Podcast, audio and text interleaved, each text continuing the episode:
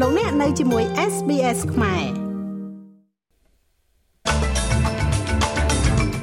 រដ្ឋាភិបាលលោក Albanese ការពីច្បាប់ឃុំខ្លួនជនអន្តោប្រវេសន៍ជាបន្ទាន់មុនការជជែកវែកញែកនៅសភាជាន់ទាបសហរដ្ឋអាមេរិកដាក់បំរាមធ្វើដំណើរលើអ្នកតាំងទីលំនៅអ៊ីស្រាអែលដែលពាក់ព័ន្ធទៅនឹងការវាយប្រហារនៅតំបន់ West Bank ព្យុះស៊ីក្លូនត្រូពិចអាចនឹងគំរាមកំហែងដល់តំបន់ឆ្នេរនៃរដ្ឋ Queensland នៅតាមសប្តាហ៍ក្រោយ។ រដ្ឋាភិបាលរបស់លោក Albanese បានការពារយ៉ាងមុតមមចំពោះច្បាប់គ្រាអាសន្នដែលអាចអនុញ្ញាតឲ្យតុលាការអ្នកដែលដោះលែងចេញពីការឃុំឃាំងអន្តោប្រវេសន៍ត្រឡប់ទៅពន្ធនាគារវិញ។ ច្បាប់នេះបានឆ្លងកាត់ប្រសិទ្ធភាពកាលពីល្ងាចថ្ងៃអង្គារម្សិលមិញបន្ទាប់ពីអ្នកជាប់ឃុំ3នាក់ដែលត្រូវបានដោះលែងបន្ទាប់ពីសេចក្តីសម្រេចរបស់តុលាការជាន់ខ្ពស់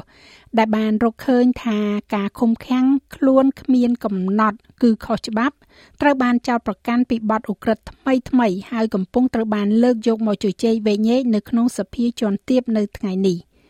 គណៈបកប្រឆាំងសហព័ន្ធដែលបានគ្រប់គ្រងដល់ការផ្លាស់ប្ដូរនៅក្នុងការដាក់ឲ្យអនុវត្តរបបឃុំឃាំងបង្ការទុកជាមុនដែលជាធម្មតាបំរុងទុកសម្រាប់ភេរវករនិងចារកម្មនោះ បានស្នើធ្វើវិសោធនកម្មបន្ថែមដើម្បីផ្ដល់អំណាចនៅក្នុងការដកហូតសញ្ជាតិអូស្ត្រាលីរបស់ពួកគេ ចេញពីអ្នកដែលមានសញ្ជាតិពីរ ប៉ុន្តែអគ្គមេធាវីលោក Mark Dreyfus បានច្រានចោលការធ្វើវិសោធនកម្មទាំងនេះដោយនិយាយថារដ្ឋាភិបាលមិនចង់ឃើញច្បាប់ដែលបានស្នើឡើងនេះត្រូវបានទម្លាក់ចោលដោយតុលាការជាន់ខ្ពស់នោះទេ The government believes it has got the balance right.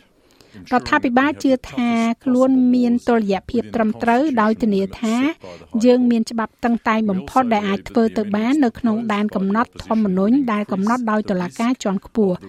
យើងក៏ជឿថាវិសោធនកម្មទាំងនេះនឹងបង្កើនហានិភ័យនៃវិសោធនកម្មដែលត្រូវបានរកឃើញថាមិនត្រឹមត្រូវដោយតុលាការជាន់ខ្ពស់ ប៉ុន្តែមេដឹកនាំប៉ា Green លោក Adam Ben បានប្រាប់ ABC ថាច្បាប់នេះគឺជាប្រតិកម្មតបតដោយមិនបានគិតពិចារណា ដែលមិនគិតគូរដល់អ្នកដែលត្រូវបានដោះលែងជាច្រើនទៀតដែលមិនបានប្រព្រឹត្តបទឧក្រិដ្ឋ instead of considering this significant decision of the High Court ជំនួសឲ្យការពិចារណាលើការសម្រេចចិត្តដ៏សំខាន់នេះរបស់តុលាការកំពូលដែលពួកគេបាននិយាយជាមូលដ្ឋានថាអ្នកមិនអាចឃុំឃាំងមនុស្សជារៀងរហូតទេហើយចាត់ទុកវាជាដំណោះស្រាយមួយចំពោះបញ្ហាអន្តោប្រវេសន៍នោះពួកគេគ្រាន់តែអនុញ្ញាតឲ្យលោក Peter Dutton សរសេរនៅច្បាប់ទាំងនេះសហរដ្ឋអាមេរិកបានប្រកាសថាខ្លួននឹងដាក់បំរាមធ្វើបំណែល ធ្វើដំណើរទៅលើអ្នកតាំងលំនៅអ៊ីស្រាអែលដែលពាក់ព័ន្ធទៅនឹងការវាយប្រហារនៅតំបន់ West Bank ក្រសួងការបរទេសសហរដ្ឋអាមេរិកបាននិយាយថាខ្លួននឹងដាក់បំរាមធ្វើដំណើរទៅលើអ្នកតាំងលំនៅដែលជាប់ពាក់ព័ន្ធក្នុងអំពើហិង្សាប្រឆាំងនឹងជនជាតិប៉ាឡេស្ទីននៅតំបន់ West Bank បន្ទាប់ពីអង្គការសហប្រជាជាតិបាននិយាយថា បានកត់ត្រានៅការវាយប្រហារចំនួន314លើកលើប្រជាជនប៉ាឡេស្ទីននិងទ្រព្យសម្បត្តិនៅក្នុងទឹកដីដែលកាន់កាប់នេះ។ នៅក្នុងសេចក្តីថ្លែងការណ៍ដាច់ដライមួយនៅឯព្រឹត្តិការណ៍រៃអង្គាសប្រាក់នៅទីក្រុង Boston ប្រធានាធិបតីសហរដ្ឋអាមេរិកលោក Joe Biden បានបន្តការអំពាវនាវជាអន្តរជាតិឲ្យមានការថ្កោលទោសកាន់តែទូលំទូលាយបន្ទាប់ពីមានករណីអំពើហិង្សាផ្លូវភេទទៅលើស្ត្រី ដែលត្រូវបានចោទប្រកាន់ថាប្រព្រឹត្តឡើងដោយពួកសកម្មប្រយុទ្ធហាម៉ាស់ សេចក្តីថ្លែងការណ៍នេះកើតឡើងក្នុងពេលដ៏រសើបនៅក្នុងទំនាក់ទំនងរវាងសហរដ្ឋអាមេរិកនិងអ៊ីស្រាអែលចំពេលមានការកើនឡើងនៃការវាយលុកលើដីរបស់អ៊ីស្រាអែលនៅតំបន់ហ្គាហ្សាភាគខាងត្បូងដោយក្រសួងសុខាភិបាលរបស់ហាម៉ាស់បានប្រកាសថាចំនួនមនុស្សស្លាប់នៅហ្គាហ្សាបានកើនឡើងលើសពី16000នាក់ហើយចាប់តាំងពីចំនួនចាប់ផ្ដើមមកអ្នកនាំពាក្យក្រសួងការបរទេសសហរដ្ឋអាមេរិកលោក Matthew Miller មានប្រសាសន៍ថាការហាមឃាត់ការធ្វើដំណើរលើអ្នកតាំងលំនៅ ដែលនឹងមិនអនុវត្តចំពោះពលរដ្ឋសញ្ជាតិពីរអាមេរិកអ៊ីស្រាអែលនេះនឹងដោះស្រាយអំពើហិង្សាដែលកំពុងកើនឡើងនេះនៅតំបន់ West Bank ។ The United States will pursue visa restrictions against an individual សហរដ្ឋអាមេរិកនឹងបន្តការរឹតបន្តឹងទស្សនកិច្ចប្រឆាំងទៅនឹងបុគ្គលទាំងឡាយណាដែលពាក់ព័ន្ធឬក៏រួមចំណែកយ៉ាងមានអត្ថន័យដល់ការធ្វើឲ្យខូចដល់សន្តិភាពសន្តិសុខ ឬក៏ស្ថិរភាពនៅក្នុងតំបន់ West Bank នេះរួមបញ្ចូលទាំងអំពើហិង្សាលើបុគ្គលឬក៏ទ្រព្យសម្បត្តិព្រមទាំងការរឹតបន្តឹងមិនសមរម្យទៅលើជនស៊ីវិលការចូលប្រើប្រាស់សេវាកម្មសំខាន់ៗនិងតម្រូវការជាមូលដ្ឋាន។ អតីតឯកអគ្គរដ្ឋទូតអូស្ត្រាលីប្រចាំនៅអ៊ីស្រាអែលលោក Dave Sharma មានប្រសាសន៍ថាការព្រមានអំពីការធ្វើដំណើររបស់ប្រជាជនអ៊ីស្រាអែលដែលចេញសម្រាប់ប្រទេសអូស្ត្រាលី បង្ហាញពីកម្រិតនៃការប្រឆាំងសាសនានៅក្នុងប្រទេសនេះគឺខ្ពស់ខ្លាំងណាស់រដ្ឋាភិបាលសហព័ន្ធបានបង្ហាញថាសហគមន៍ជនជាតិជ្វីវអូស្ត្រាលីគឺជាកន្លែងសុវត្ថិភាពសម្រាប់ពួកគេ បើទោះបីជាអ៊ីស្រាអែលបានជំរុញឲ្យពលរដ្ឋរបស់ខ្លួនដែលចង់មកលេងនៅប្រទេសអូស្ត្រាលីឲ្យចាត់វិធានការប្រុងប្រយ័ត្នបន្ថែមទៀតក៏ដោយអ៊ីស្រាអែលបានដំឡើងការព្រមានអំពីការធ្វើដំណើរទៅកាន់ប្រទេសជាច្រើនរួមទាំងអូស្ត្រាលីផង គឺឡើងដល់កម្រិតទី2ដែលខ្ពស់ជាងសហរដ្ឋអាមេរិកកាណាដានិងនូវែលសេឡង់បន្ទាប់ពីការកើនឡើងនៃការប្រឆាំងពួកយូដាដែលបណ្ដាលមកពីចំនួននៅមជ្ឈិមបូព៌ា សមាជិកប្រសិទ្ធិលោកសាម៉ាបានប្រាប់កម្មវិធី Today របស់ទូរទស្សន៍ប៉ុស្តិ៍លេខ9ថាព្រឹត្តិការណ៍ថ្មីថ្មីបានគំរាមកំហែងដល់សង្គមពហុវប្បធម៌របស់ប្រទេសអូស្ត្រាលី។ We've had religious services disrupted. We've had those យើងមានការរំខានដល់សេវាកម្មសាសនា យើងមានស្ថានភាពដ៏អាក្រក់នៃការតវ៉ានៅទីក្រុងមែលប៊នកាលពីសប្តាហ៍មុនជាកន្លែងដែលជនរងគ្រោះនិងសមាជិកក្រុមគ្រួសារជនរងគ្រោះដែលត្រូវបានចាប់ពង្រត់ដោយក្រុមហាម៉ាស់ស្នាក់នៅខ្ញុំគិតថាយើងកំពុងតែមើលឃើញរឿងរ៉ាវនៅក្នុងប្រទេសអូស្ត្រាលីដែលយើងមិនធ្លាប់ឃើញពីមុនមក ហើយមើលទៅមិនត្រឹមតែបង្កគ្រោះថ្នាក់ដល់កេរ្តិ៍ឈ្មោះអន្តរជាតិរបស់យើងប៉ុណ្ណោះទេ វាមិនត្រឹមតែបង្កគ្រោះថ្នាក់ដល់សហគមន៍ជនជាតិជ្វីសនៅទីនេះទេក្នុងប្រទេសអូស្ត្រាលីនេះតែប៉ុណ្ណោះនោះទេវាថែមទាំងគំរាមកំហែងដល់ផ្ទាំងក្រណាត់ពហុវប្បធម៌អូស្ត្រាលីផងដែរនាយកប្រតិបត្តិនៃ Australia Post និយាយថាផែនការទំនើបកម្មរបស់ក្រុមហ៊ុនប្រៃសណីអូស្ត្រាលីដែលនឹងឃើញសម្បត្តិចែកចាយនៅរៀងរាល់ថ្ងៃទី2តែប៉ុណ្ណោះ នឹងនាំមកនៅអាជីវកម្មស្របទៅតាមតម្រូវការ Digital របស់អតិថិជនរដ្ឋមន្ត្រីក្រសួងគមនាគមន៍លោកស្រី Michelle Rowland នៅថ្ងៃនេះបានប្រកាសពីផែនការដើម្បីកែលម្អក្រុមហ៊ុន ដែលផ្ដល់មូលនិធិដោយខ្លួនឯងនិងគ្រប់គ្រងជាសាធារណៈនេះដោយផ្លាស់ប្ដូរអតិភិបរបស់ខ្លួនទៅជាការចែកចាយកញ្ចប់អីវ៉ាន់វិញ បន្ទាប់ពីការបានកត់ត្រាការខាតបង់ជាង200លានដុល្លារនៅក្នុងឆ្នាំហិរញ្ញវត្ថុចុងក្រោយ។ ការផ្លាស់ប្ដូរនេះក៏នឹងឃើញអ្នកចែកចាយសម្បត្តិម្នាក់នឹងនៅតែត្រូវបែងចែកសម្បត្តិមួយជុំជាជាងត្រូវការវិលចុះឡើងជាច្រើនផ្លូវដោយពេលបច្ចុប្បន្នហើយសម្បត្តិអតិភិបដែលមាន8%នៃសម្បត្តិដែលបានផ្ញើត្រូវបានកែប្រែឡើងវិញក្នុងគោលបំណងបម្រើសេវាកម្មលឿនជាងមុន CEO របស់ Australia Post គឺលោក Paul Graham និយាយថាជាមួយនឹងកញ្ចប់500លានកញ្ចប់ ត្រូវបានបញ្ជូនទៅឲ្យប្រជាជននៅក្នុងឆ្នាំចុងក្រោយនេះការផ្លាស់ប្ដូរនេះគឺឆ្លើយតបទៅនឹងតម្រូវការទិញទំនិញតាមអនឡាញដែលកំពុងតែកើនឡើងរបស់ប្រជាជនអូស្ត្រាលី។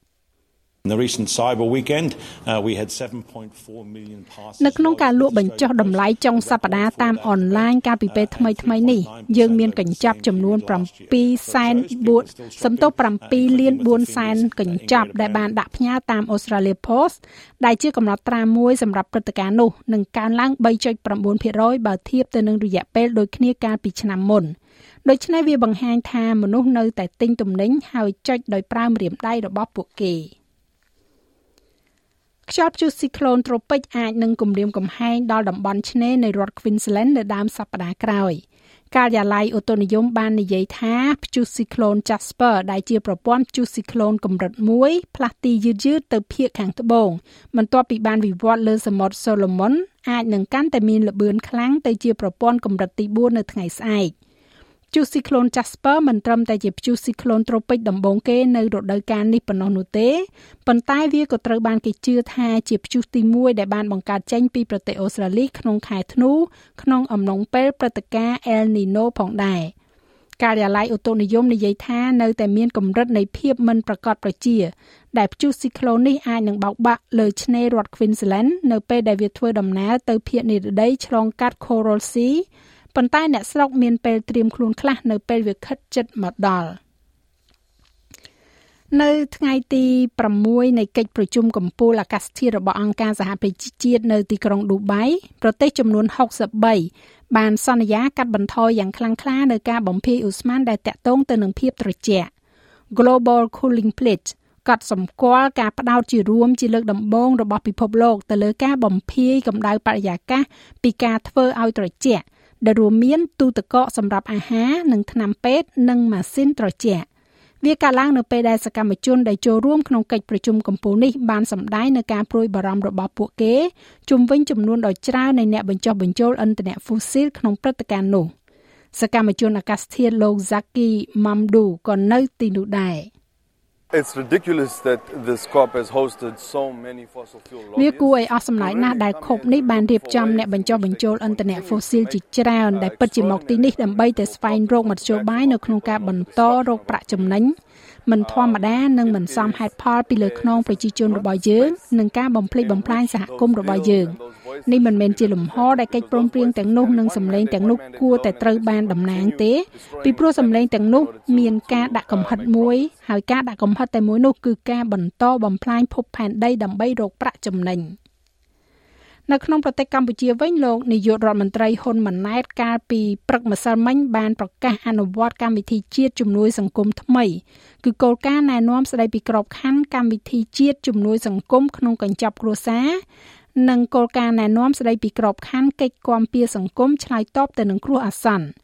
កម្មវិធីជំនួយសង្គមថ្មីនេះនឹងចាប់ផ្ដើមអនុវត្តពីខែមេសាឆ្នាំ2024ដោយរដ្ឋាភិបាលនឹងផ្ដល់ប្រាក់ឧបត្ថម្ភជូន ជនដែលមានពិការភាពរួមទាំងប្រាក់ឧបត្ថម្ភជូនដល់ជនចាស់ជរាអាយុ60ឆ្នាំឡើងហើយជាការបដិញ្ញាចិត្តរបស់រាជរដ្ឋាភិបាលនៅក្នុងអាណត្តិទី7នេះនឹងបន្តទៅគោលការណ៍ធ្វើយ៉ាងណាប្រព័ន្ធនៃការគាំពៀសង្គមដែលត្រូវផ្ដល់ជូនប្រជាពលរដ្ឋត្រូវតែបន្ត ពង្រឹងដើម្បីធ្វើយ៉ាងណាឲ្យកាន់តែមានប្រសិទ្ធភាពធានានៅសកម្មភាព និងប្រសិទ្ធភាពនឹងការដោះស្រាយជូនប្រជាពលរដ្ឋទាន់ពេលវេលា ជាពិសេសប្រជាពលរដ្ឋដែលត្រូវការជំនួយសង្គមចាលោកមេងផល្លានឹងជួនសេចក្តីរាយការណ៍លម្អិតនៅវគ្គក្រោយឬលោកអ្នកអាចស្ដាប់លើគេហទំព័រ sps.com.au/ ខ្មែរ នៅក្នុងវិស័យកីឡាបាល់ទាត់ក្រុម Matilda និយាយថាពួកគេត្រៀមខ្លួនប្រថុយនឹងការសុតបញ្ចូលទីក្នុងការប្រកួតលើកទី2របស់ខ្លួនជាមួយនឹងប្រទេសកាណាដានៅថ្ងៃនេះក្រុមនេះនឹងប្រកួតនៅទីក្រុង Lanford នៅ British Columbia ថ្ងៃនេះសម្រាប់ការប្រកួតមិត្តភាពជាលើកទី2ក្នុងមួយសប្តាហ៍ក្នុងការប្រកួតអន្តរជាតិចុងក្រោយរបស់ពួកគេក្នុងឆ្នាំ2023នេះបន្ទាប់ពីបានចាញ់ក្រុមកាណាដា5ទល់នឹង0កាលពីចុងសប្តាហ៍មុន។ អូស្ត្រាលីពឹងផ្អែកយ៉ាងខ្លាំងទៅលើការវាយលុកក្នុងអំឡុងពេលការប្រកួតបាល់ទាត់ពិភពលោកនារីរបស់ពួកគេប៉ុន្តែគ្រូបង្វឹក Tony Gustafsson បាននិយាយថាលោកចង់អភិវឌ្ឍការលេងរបស់ពួកគេមុនពេលការប្រកួតជម្រុះអូឡ িম্প ិកនៅខែកុម្ភៈជាមួយនឹងអ៊ូបេគីស្ថានលោក Gustafsson និយាយថាលោកមិនចង់ឲ្យក្រុមនេះคล้ายទៅជាក្រុមដែលអាចទស្សទីបាននៅក្នុងការវាយប្រហាររបស់ខ្លួននោះទេ។ ចំណែកឯអត្រាប្តូរប្រាក់1ដុល្លារអូស្ត្រាលីមានតម្លៃប្រមាណ7.66សេនដុល្លារអាមេរិកត្រូវនឹង2710រៀលប្រាក់រៀលខ្មែរយើងក៏លេខមើលការព្យាករណ៍អាកាសធាតុសម្រាប់ថ្ងៃប្រហ័សស្អែកទីក្រុងផឺតភាគច្រើនបើកថ្ងៃ28អាដាលេដមានពពកដោយពេល33អង្សាមែលប៊នស្រដៀងគ្នានេះ24អង្សាហូបាត ដូចគ្នាដែរ23អង្សា នៅ Canberra មានពពក32អង្សាភាគច្រើនបើកថ្ងៃនៅ Sydney 29អង្សា Brisbane បើកថ្ងៃ31អង្សា Cairns បើកថ្ងៃភាគច្រើន33អង្សា នៅ Darwin រលឹមបន្តិចបន្តួចអាចនឹងមានព្យុះ34អង្សា និងនៅទីក្រុងភ្នំពេញមានពពក34អង្សា